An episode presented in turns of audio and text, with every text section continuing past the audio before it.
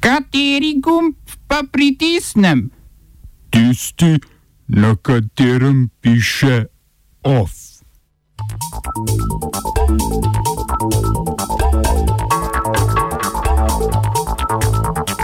ساق الخري إلى من جرك وخ الخري إلى من ترك Nepalska vlada sklenila mirovni dogovor s komunistično stranko. Mačarska pošta bo prenehala dostavljati dnevno časopisje. Nemška obveščevalna služba bo stranko AFD vzela pod drobnogled. Državni zbor razširil novelo zakona o STA in zavrnil povišanje denarnega nadomestila brezposelnim.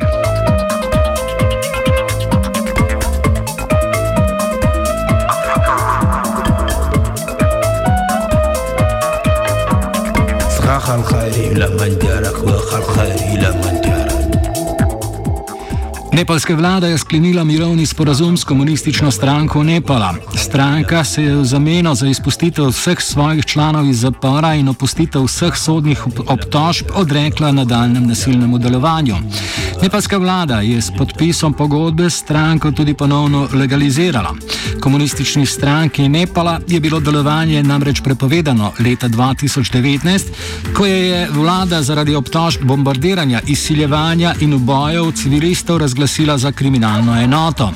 Komunistična stranka Nepala je sicer nekdanja članica stranke Združeni Maoisti. Ti so po 20-letnih spopadih z vlado podpisali mirovni sporazum že leta 2006, s čimer se komunistična stranka Nepala tedaj ni strinjala.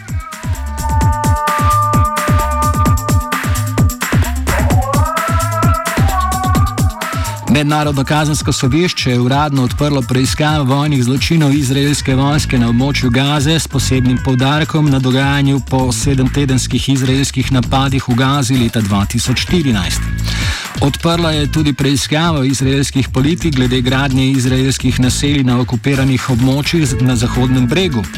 Februarja je namreč sodišče presodilo, da je na podlagi svojega ustanovnega dokumenta pristojno za ta območja, saj se s tem ne bo vmešavalo v določitev državnih meja. Palestinske oblasti na Zahodnem bregu in Hamas, ki so Haško sodišče k preiskavi pozivali od leta 2014, so odločitev tožilstva pozdravili, medtem ko je izraelski premijer Benjamin Netanjahu odločitev označil za antisemitistično.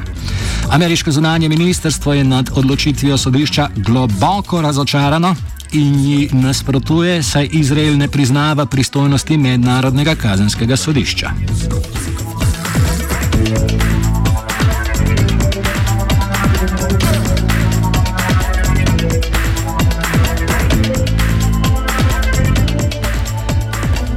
Omre- omrežje Facebook bo ob poostrenem nadzoru ponovno dopustilo objavo političnih oglasov za ameriške uporabnike. Tehnološki gigant je namreč zato, da bi se izognil težavam, ki si jih je nakopal z dopustitvijo tovrstnih vsebin pred volitvami leta 2016, novembra lani začasno onemogočil politične propagandne vsebine. Te prepovedi so nasprotovali tako demokratski kot tudi republikanski digitalni strategi, čež da z omejevanjem ni odstranila morebitnih dezinformacij na platformi, kot je bilo sprva pričakovano.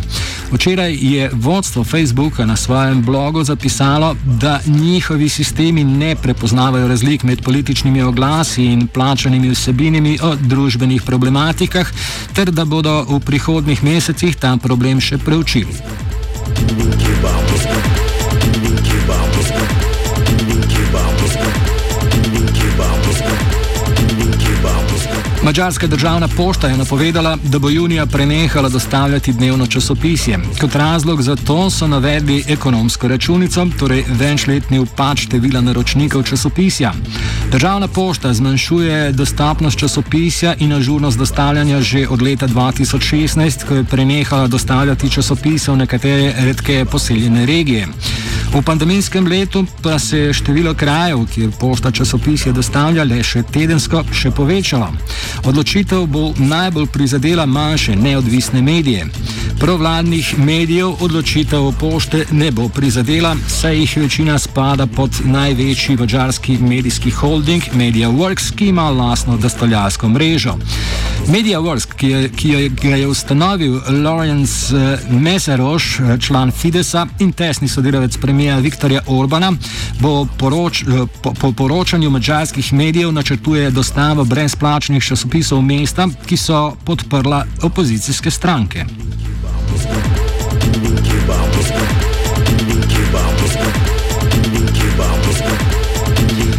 Nemška notranja obveščevalna služba je formalno pričela izvajati nadzor nad člani desne stranke Alternativa za Nemčijo, krajše AFD, zaradi namernega eh, spodkopavanja nemških ustavnih načel. S tem je stranka, ki je poznana po nasilnih protimigracijskih akcijah, postala prva večja skupina po koncu nacizma, ki jo bo obveščevalna služba vzela pod drobno gled. Oba, če, če bom odgovoril na angliški. Slovenija will try to help. Uh, we can. Slovenija will. Uh, and we will. Do our utmost. To say that the situation is.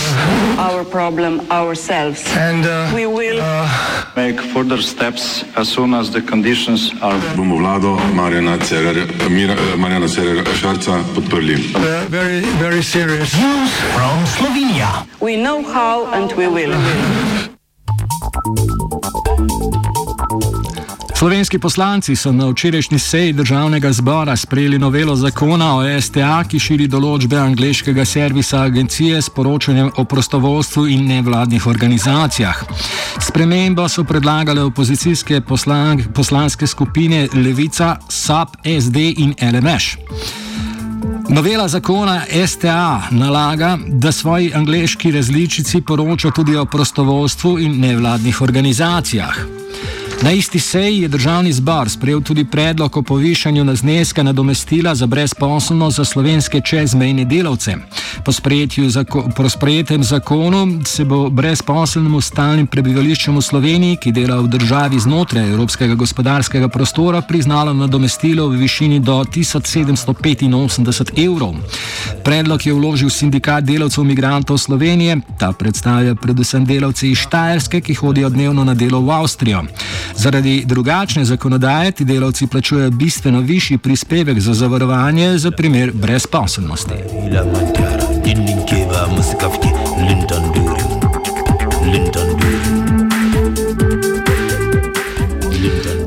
Novici o bližnjem cepljenju učiteljev je sledila še vladna odločitev, da začnejo v srednje šole hoditi tudi dijaki prvih treh letnikov.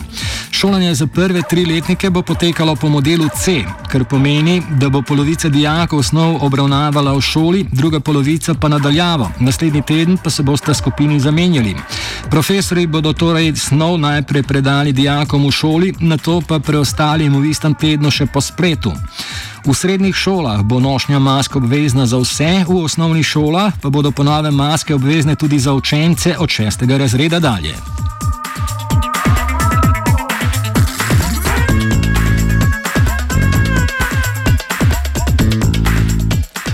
Še dobra novica za ljudi, ki so se naveličali po cestnice oziroma kave za sabo.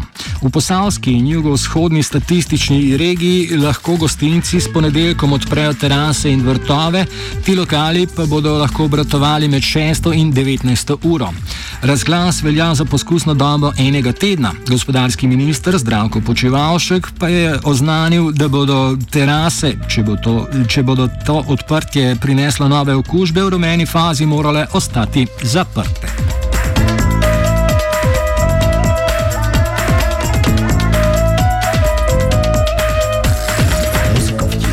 Ljubljana bo obogatil nov muzej. Na Roški cesti, tako je sklenila vlada, bo stal muzej osamosvojitve Slovenije. Tam sicer domuje že arhiv Republike Slovenije, ki nujno potrebuje več prostora, ampak to je pač očitno malenkost. Postavitvi muzeja, ki bo po vladnem načrtu edini prostor za razsta eh, razstavljanje, zbiranje in preučevanje vsega, kar je povezano z osamosvojitvijo, so namenjeni 4 milijoni evrov. Na Ministrstvu za kulturo so dejali, da novi muzej artefaktov ne bo imel drugim muzejem novejše zgodovine, ki že pokrivajo obdobje osamosvojitve, kot so Mariborski, Celski ali državni, ki ima svoje prostore v Tivoliju. Mogoče bodo razstavili kacatovo pištolo.